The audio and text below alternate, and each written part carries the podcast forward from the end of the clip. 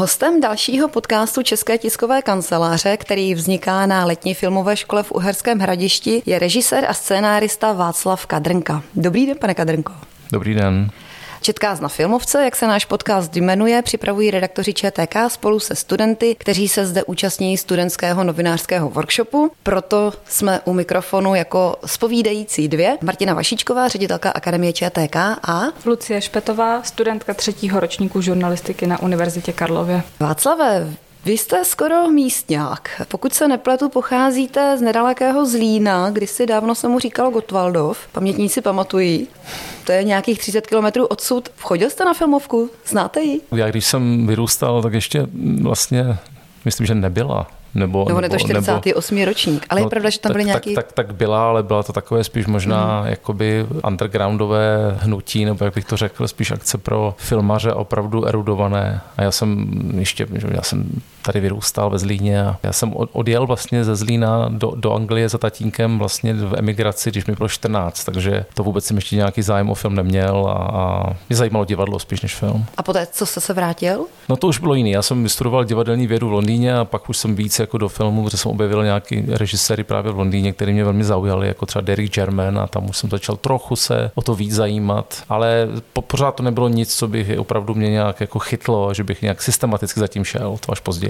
Takže na filmovce jste poprvé? Ne, to ne, to vůbec ne. Já jsem tady měl už tři filmy svoje předtím a měl jsem tady ještě studentský film, jsem tady byl asi desetkrát a jako host jsem tady byl, ale nebyl jsem nikdy jako, mě vždycky hrozně iritovalo si to tady jako všechno vyřizovat, ty akreditace, zůstat tady celý týden. Já jsem občas jako přijel na nějakou projekci a potom jsem vždycky jsem přijel s filmem svým. Znám filmovku, znám lidi kolem filmovky, já jsem fanoušek samozřejmě. Pojďme tedy přímo k filmovce a k filmu, který vy tady eh, budete prezentovat, eh, bude se tady promítat, zpráva o záchraně mrtvého. My jsme ho tady bohužel zatím neviděli, Nicméně, podle anoncí to nebude úplně jednoduché kino. Řekněte nám, o čem je, jak vznikal. Přibližte ho. To je můj třetí celovečerní film a vlastně celá ta anabáze to je samozřejmě na dlouho, to zkusím nějak, nějak stručně. To znamená, my jsme dokončovali můj druhý film Křižáček a můj tatínek dostal velmi vážnou mrtvici a byl vlastně v koumatu dlouho a my jsme s maminkou v podstatě vlastně se snažili ho přivést zpátky. Měl velmi vážnou operaci hlavy, měl prostě kousek dokonce kus, velký kus jako malého mozku odoperovaný, takže byl v komatu, nevědělo se, zda zůstane v komatu, zda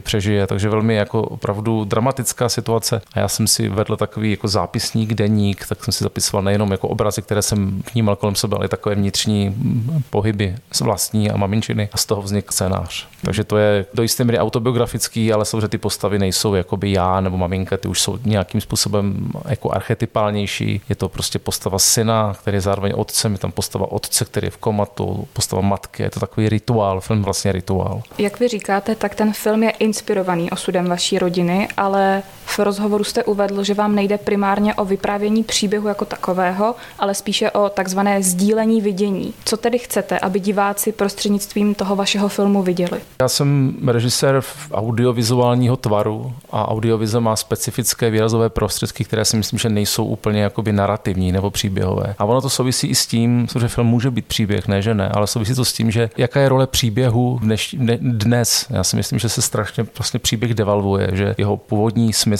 a role právě byla v jakémsi sdílení nějakého rituálu, něčeho, nějakého sdělení morálního, spirituálního. Ale dnes nám ty příběhy slouží jako jakési polechtání našich emocí a, dneska je všechno z příběhu. Uh, ano, a příběh, dneska prodávají příběhy, produkty, je to prostě prefabrikát, všechny vlastně volební kampaně jsou příběhy, každý představení nového produktu firmy na mobily jsou příběhy, prostě příběh prodává. Myslím, že tím došlo k hodně velké devalvace. Myslím, že musíme znovu ty příběhy objevit, znovu jejich funkci objevit. A já tím, že jsem zažil tuto situaci, tak najednou si uvědomil, jak vlastně podstatný jako vlastně rituál, jak jsme vlastně ztratili s rituálem kontakt, protože my tím, že jsme museli chodit k tátovi, nebo nemuseli, ale chtěli jsme chodit k tátovi každý den, byli byli jsme u něj blízko několik hodin denně opravdu a mluvili jsme, tak se z toho stal jakýsi rituál. Takový opravdu až jakoby duchovní a zároveň rituál, který ho měl vlastně přivést zpátky k životu. A tam jsem najednou si pochopil, že vlastně toto je smysl příběhu, sdílet eh, toto tenhle ten zázrak nebo tuhle tu situaci, která, která všichni nějak známe nebo se s ní setkáme nebo nesetkáme, ale prostě známe, že nemocnice je součást našich životů. No. Takže to, to, to, jsem chtěl vlastně sdílet. A už teda v době, kdy jste chodil do té nemocnice, vám naskočilo, hele, to by mohl být film?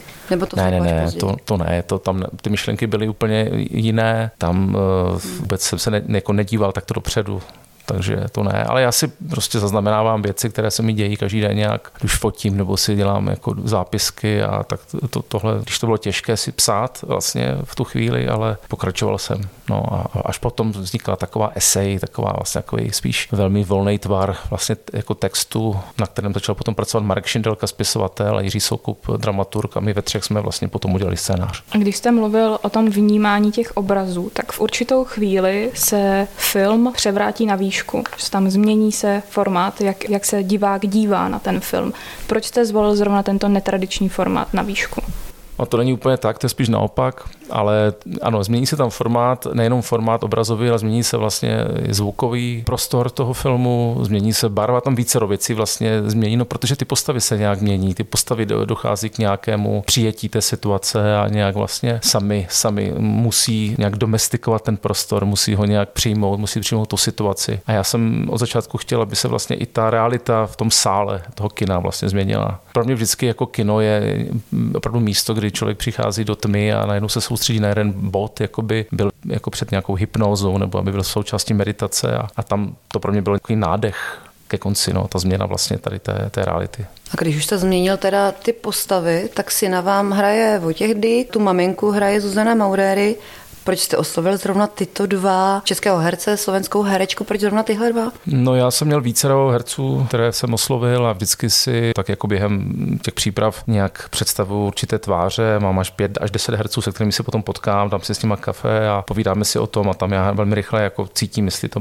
má, to, jestli to má být on nebo ne a takhle to prostě bylo. Já jsem u Zuzany jsem cítil, že ona má tomu blízko této situaci, protože prožila si podobnou, podobnou věc s tatínkem, ne s tímto koncem sice, ale vlastně rozuměla té situaci situaci primárně, to bylo pro mě vlastně důležité, aby, aby přijali, aby rozuměli té situaci, proč tam jsou, proč mluví, že ne každý to dělá. A u Vojty tam to byla otázka podobná, taky vlastně jakési souzení s tou situací a zvláštní bylo, že on si vlastně prožil to samé, až po filmu, že on přesně takhle vyprovázel svého tatínka, jakoby když opouštěl vlastně umíral, tak velmi podobně zažil tento rituál taky, tak tam se to zhmotnilo naopak, mm. což je zajímavé. Ale já jsem prostě cítil, ono se často, často říká, že režisér si ty věci jakoby musí vyzkoušet ty herce a dělá se casting dlouho, ne každý. Já myslím, že taky o to věc intuice, nějaké, nějakého napojení a velmi rychle, a když si s tím hercem dám schůzku, tak poznám, jestli to má být on nebo ne. My jsme tady už na podcastu měli paní Maurery a ta říkala, že právě hraní s Vojtěchem Dykem pro ní bylo vždycky si to přála, hmm. že jste jí vlastně splnil přání i Hmm. Mimo jiné, že?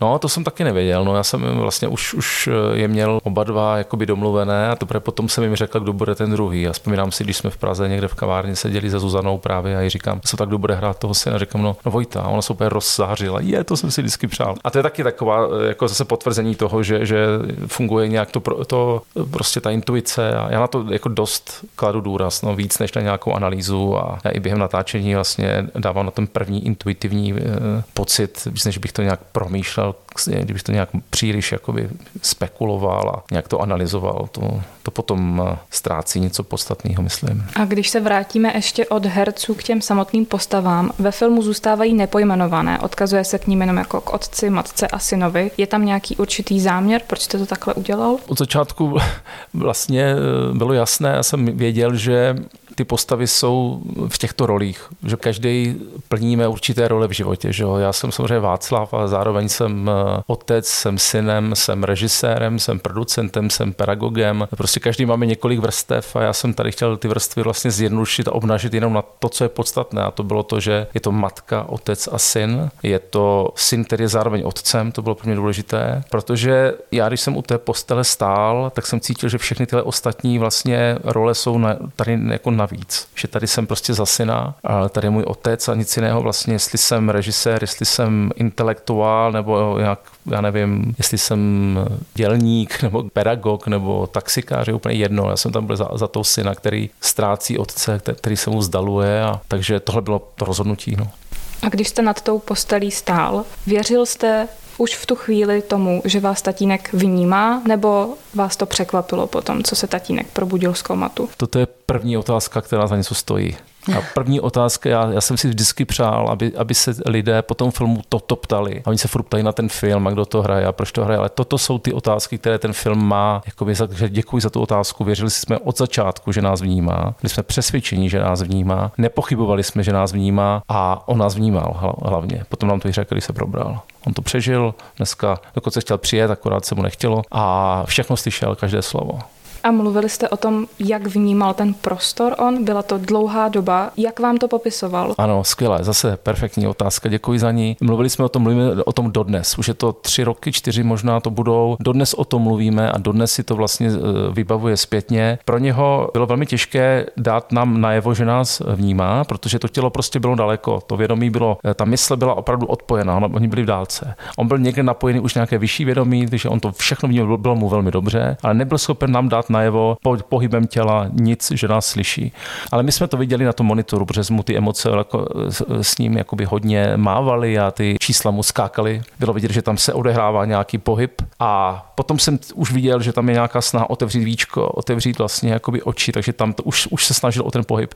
A dodnes říká, jak nejtěžší pro něj bylo vůbec otevřít víčko, že to bylo nejtěžší věc, co kdy zažil, protože to byl sportovec, on běhal maratony, všechno. Vnímal ale i celý prostor, vnímal, slyšel, ale nej, nej vlastně uh, problematičnější byl ten hmat. To znamená to tělo rozhýbat. Necítil vlastně. Jakoby to tělo najednou bylo nejdál. Ale slyšel, dokonce mi dodnes říká, že slyšel, jak se, já jsem mu dával vlastně eh, s maminkou, jsme mu dávali sluchátka s hudbou, kterou má rád. A dokonce si pamatuju, že jsem říkal té paní sestřici, jak má ovládat ten iPod, vlastně, jak, jak s ním má jako zacházet. Jo. Takže ten prostor on velmi dobře jako vnímal. Proto i když dochází tady k této situaci, kde jsou v komatu a mluví na ně blízcí, tak je opravdu eh, důležité v podstatě vlastně neustále mít v tom hlase jakoby klid. A to bylo nejtěžší vlastně, abychom na něho nepřenášeli nějaký náš strach nebo nějakou úzkost. A to bylo velmi důležité a to vlastně maminka uh, velmi dobře chápala, což jsem nejvíc obdivoval na ní, protože samozřejmě že žena, jeho osudová žena, on její osudový muž, tak tam ty emoce jsou velmi silné. A ona opravdu tím hlasem si řekla, já nebudu fňukat, nebudu prostě na něj, na něj vůbec jakoby nějak doléhat, jako velmi klid, budu mu klidným hlasem budu říkat tyto věci, tyto věty a to, to, to pomohlo. No. Došla k tomu hned nebo to trvalo? Ona na začátku, což ten film taky ukazuje, že trošičku tam je taková vlastně jakoby urputnost, byla možná až moc jakoby urputná, ale okamžitě věděla, že prostě nebude ukazovat jako emoce, protože mu to nedělá dobře. Ono tam potom, když začne samozřejmě ta, ten blízký uh, mluvit smyslem, proč nám to udělala, toto a, a, a jako sebelítost, anebo naopak jako vinit, vinit to, protože v té, v, té, v té těžkosti se ty emoce těžko ovládají, tak tam potom opravdu ten člověk se prostě třeba nechce probrat, radši, radši zůstane nebo odejde ještě dál. Takže ona, ona to bylo velmi jako metodické, že opravdu chtěla, my jsme věřili, že od začátku, že to prostě se podaří. Doktoři nám řekli, že nejdřív, že to nepřežije, přežil to, pak nám řekli, že bude v zámku, že to jeho tělo bude tady a bude třeba jenom jako mrkat. My jsme řekli, bereme všechno, tak bude mrkat, prostě tak co. Ale potřeboval se ho probrat opravdu. Ale tam důležitý moment, který, který nastal, jak jste říkala, vlastně, jak se to změnilo, tak je to tam, že ona v určitém momentu to přijala a dala mu jakoby svobodu, řekla mu jako vlastně, že projevila mu důvěru, jo, že vlastně ten hlas se už ještě sklidnil a tam se to začalo zlepšovat najednou. To přijetí je vlastně i klíčový motiv toho filmu. Ano, že? ano, ano. Tam je, to, tam je tato scéna vlastně naznačená. Ona to zase není úplně tak, že sice mu, ona, tam je důležité jako projevit tu důvěru, ale nepřestává tam chodit samozřejmě. Jo. To zase, to zase maminka, maminka je v tomhle tom velký bojovník jo, a ono vůbec nepochybilo od začátku, že se to podaří. To musela být empatie úplně na jiné úrovni, než si dokážeme no, no. většina z nás představit. No, ale my jsme si jako vlastně, to ten film taky ukazuje, my jsme si řekli, že nebudeme jako vlastně přijímat konflikt vůbec. To znamená, když nám lékaři říkali velmi jakoby dramatické věci a i, i jako věci jako typu, že to ten doktor vlastně byl velmi statečný, že nám řekl, že třeba jim spadl, když ho, když ho vezli, že prostě jim upadl na zem a na hlavu. Jo, což samozřejmě jsme v normální situaci, že vy jste, jak jste to mohli udělat, probo, ale my jsme řekli, děkujeme, že jste nám to řekl, přijímáme, všechno přijímáme. My jsme jakoby cítili, že nemůžeme ten konflikt na něj a na sebe jakoby obrátit, že ho musíme eliminovat tak jsme všechny informace, které byly velmi těžké, jako se snažili přijmout. A to bylo jako velmi náročné, ale asi, asi rozhodující. No. A byl jste stejně odvážný jako vaše matka? Jak já jsem takhle odvážný nebyl. Já jsem nejdřív, nejdřív, což ten film taky ukazuje, velmi byl z toho jako samozřejmě špatný, protože, protože se to, já jsem nikdy neviděl člověka takhle blízko smrti a teď, to je vlastně takovýhle kamarád ještě, tatínek, my jsme si velmi blízko. A takže já jsem se mnou, se mnou to hodně zamávalo nejprve ty první dny, ale pak, pak najednou jsem si začal taky ten prostor jako nějak jako vlastně přijímat, domestikovat. A pak jsem i jakoby převzal tu iniciativu. Ale to chvilku trvalo. To maminka byla odvážnější určitě. A to většinou ženy jsou, podle mě, že, že ten chlap si do toho projektuje často své ego a, a vinu a ta žena to jako přijímá víc.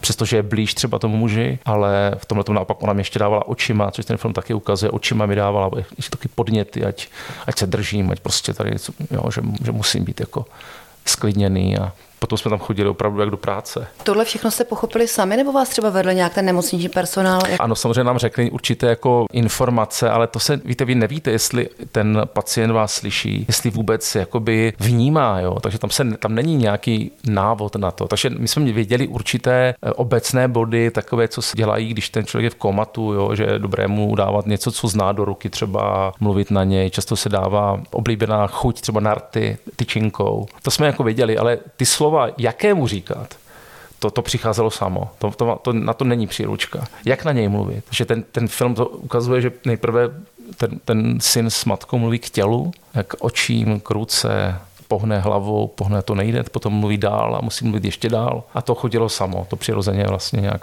jsme nějak cítili. A vlastně teď oba vaši rodiče v tom filmu hrají. Sice takové vedlejší role, ale hrají. Jaké bylo pracovat s neherci, ale navrch ještě s rodiči, po této zkušenosti? He, to je strašné. Hlavně s rodiči, s maminkou hlavně. On se hrozně snaží a to je nejtěžší, ale já, já mám neherce v každém filmu. V tom já nevidím úplně vlastně rozdíl, protože mm, často na to, na to je tolik teorií a to nechci tady teď eh, moc jako opakovat. Ve zkratce vždycky dávám, vždycky hledám nějaké prostě vnitřní napojení na tu postavu, jo? nějaké morální nebo nějaké charakterové napojení. Jestli ten představitel je herec nebo neherec, vlastně mi skoro jedno. Samozřejmě potom ta metoda té režie se, se jakoby liší trošku, jo? Ale s rodiči tak to, to maminka se snažila to udělat co nejlepší, tak já jsem byl na ně hrozně přísný ale tak to je, ale já jsem chtěl, aby v tom filmu vystupovali, protože samozřejmě ta stopa osobní tam, tam pro mě je cena a já jsem jakoby ten náš příběh, protože tam jsou ty rodiče a že ten otec vlastně odchází, ten můj otec odchází na konci z toho, toho špitálu, jsem vlastně jakoby posunul na to vedlejší lůžko. Tam je ta nej, nejosobnější stopa a tam ten Vojta Dick se podívá vlastně ke konci, jak tyhle dva odchází s tou taškou, už vyléčený z toho z té nemocnice, ale sám se vrací už k tomu filmovému otci. Jo. Takže to bylo pro mě důležité, no, že to tam je. A co vám řekli rodiče, když jste jim poprvé pustil tenhle film? No, zasáhl je samozřejmě, jako velmi silně. Já ale s nimi řeším každý film od začátku, skoro maminka jedna z prvních vždycky čtenářů mých, mých scénářů, protože to cítí jako dobře, myslím, že ona na to má velký cit. Takže oni celou tu genezi znali, hráli tam v tom filmu, eh, takže já jsem jim pustil nějaký první střih. No, to bylo silné, samozřejmě. A neřekli jo. vám, tohle nepustíš, tohle nepůjde ven? Ne, ne, ne, ne, ne, to vůbec ne, tam je důvěra. Hmm. Táta mi na to řekl, ty děláš kvantové filmy. Ten film je jako, jako kvantová fyzika, to není jako vlastně lineární ani časové, ale kvantové, což se mi líbí. Co mě zajímá kvantová fyzika velmi. No, tak eh, samozřejmě, že oni to vidí trochu jinak než běžný divák, ale ta jejich reakce je pro mě vlastně dost, dost důležitá. Tento film nebyl první autobiografický film, co jste natočil. Já bych se vrátila k vašemu debitu 80 eh, dopisů. Ten byl také autobiografický. To máte tak pestrý život, že píšete, čerpáte eh, mám, stále ze svého života? Ano, samozřejmě mám, ale to není, jako, jak jsem říkal, tady vlastně odpovídal na otázku toho příběhu. Pro mě opravdu jako vlastně film je o sdílení nějakého mého vidění. Já myslím, že tohle to je nejvíc, co film může dělat. Samozřejmě může mít jakoby narrativní strukturu, příběh, může si přebírat všechny ty půjčky od těch dalších umění, z divadla, z výtvarného umění, ale, ale stále myslím, že to vidění toho režiséra je, ten film umí opravdu okamžitě vlastně přenést. A já vlastně si ty autobiografické látky nevolím, protože bych cítil nebo že bych si myslel, že mi život je tak jako zajímavý, to ne, ale eh, chci právě sdílet to, co vidím, proto tam v každém tom mém filmu je postava, která se dívá.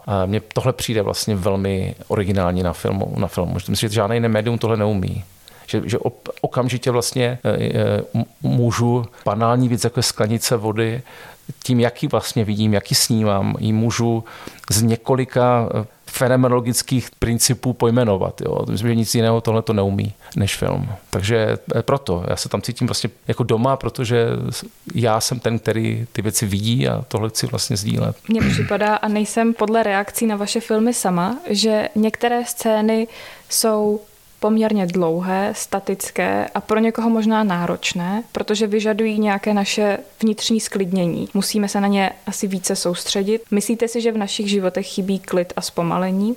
No to jistě, ale to není důvod důvod, proč já bych ty filmy dělal takhle, jak je dělám. Jo? Já jako nechci, aby, já, já, jak oni píšou, vždycky to zjednoduší často, že já jsem nějaký jako spirituální filmář, který chce, aby divák šel do kina se zpomalit já mám všechny ty filmy dost dramatické, mají dost silné dramatické situace. Jo. 80 dopisů, prostě otec ve migraci, matka se snaží vlastně vystěhovat, křižáček, otec hledá svého ztraceného syna, zpráva o zachraně mrtvého, otec v komatu, matka se synem se snaží přivést zpátky. To jsou všechno vlastně dost dramatické situace, ale dost eh, dbám na to, kam toho diváka jakoby umístím. Já se snažím, aby, to, aby prostě právě vnímal ty situace podobně, jak jsem je vnímal já, jak je vnímáme ve skutečném životě. Ve skutečném životě taky nejsme vlastně v oddálení od toho příběhu, nevidíme ho jakoby na stole jako mapu, že? ale jsme uvnitř té krajiny. Jo? Takže to nejsou žádné jako kontemplativní spirituální filmy, to jsou dost dramatické situace, ale důležité je, kde ten divák je umístěný. To znamená, příklad tady u té zprávy třeba většina, že většina prostě scénářů takových těch konvenčních přesně by ukazovali nejdřív,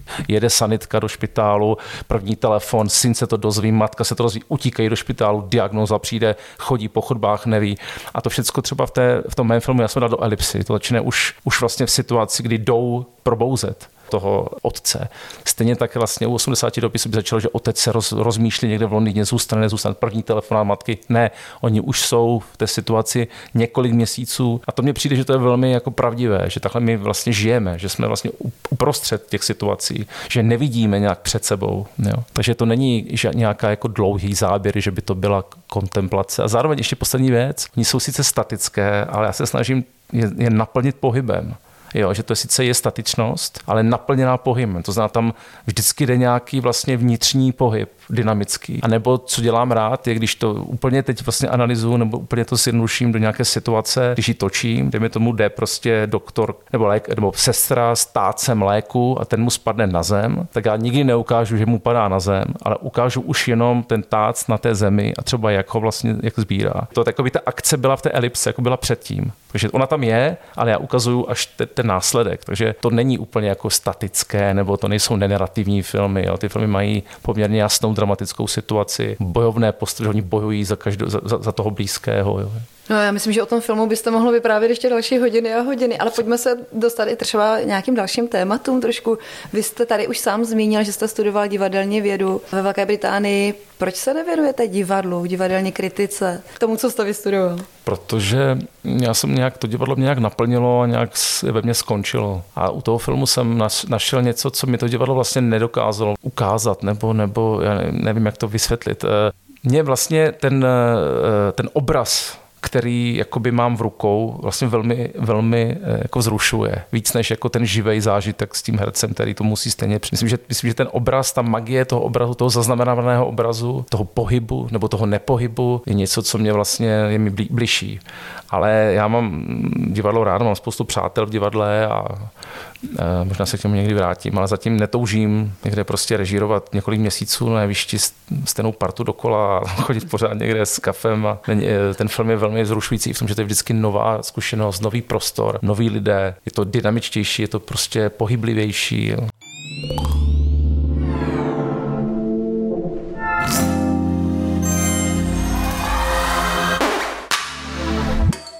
Vy jste také založil platformu Sirius Films Manual, která pomáhá začínajícím filmařům s natočením jejich prvních snímků, nebo jedně, jedněch z prvních snímků. Proč chcete usnadňovat práci méně zkušeným kolegům? Já nechci usnadňovat, v žádném případě jim to stěžuju samozřejmě, ale ten poput, trošku jsem to i vlastně vycítil od těch mladých filmařů, jakože vlastně by rádi byli třeba u mě v některých jako u natáčení a ptali se hodně, a jak bych to dělal, protože si ty věci produkuju, ale produkujeme vlastně moje žena, my to děláme společně. Ona taky byla dost důležitá pro to rozhodnutí založit tu edici, ale já jsem hlavně, byl, já jsem byl inspirovaný španělskou kinematografii a portugalskou kinematografii. Já mám dost často filmy právě v festivalech v Portugalsku, ve Španělsku a jezdím tam často třeba do Sevily na filmy festival a Sevilla má takovou sekci Resistance, která ukazuje opravdu první, druhé filmy, které jsou udělané velmi rychle, levně a to je něco, co mi tady jako vlastně chybělo. Jo. Myslím si, že ty debity a i ty druhé filmy trvají hrozně dlouho, stojí dost peněz, zbytečně někdy moc peněz. Už se na to vlastně nárokují další jako věci, které možná toho tvůrce zdržují. Tak eh, ta, ta touha je, aby ten eh, režisér nebo autor eh, realizovali ty věci, kdy mají, kdy opravdu to v nich jako vře a ne, nemusí čekat tak dlouho na peníze a opravdu často ty peníze nedělají ten film. Jo. Opravdu dneska už vznikají běžně filmy bez fondu, bez televize, vznikají jich několik. Je spoustu zajímavých mladých tvůrců, kteří se tak rozhodlo točit a je jich víc a víc, takže není to nic nového, ale No, to byl hlavní poput trošičku vlastně najít jiný, jiný způsob, jak ty filmy mohou vznikat. Vy jste sám zmínil, že jste pedagog, učíte na FAMu. To znamená, že svým žákům rovnou potom děláte produc- producenta? No, ne, takhle to úplně není. Já eh, mám takové podmínky, které vlastně do toho manuálu, jak takové pilíře tři, které, na kterým jsem to postavil. A musí to být látka, která je současná, eh, zároveň jako malý štáb, a dost jakoby režíně vyhraněná vlastně látka, takže ne všechny se tam vejdou. Takže já mám, ty režiséři, se kterými děláme, nejsou jenom z FAMu, ale my jsme začali jeden, jeden film, druhý jsme iniciali, třetí máme ve vývoji, takže uvidíme, zda to půjde. Ještě, ještě nevím, jestli na to vůbec máme, takže, ale už, už vznikl jeden. No. A jak vidíte budoucnost českého filmu?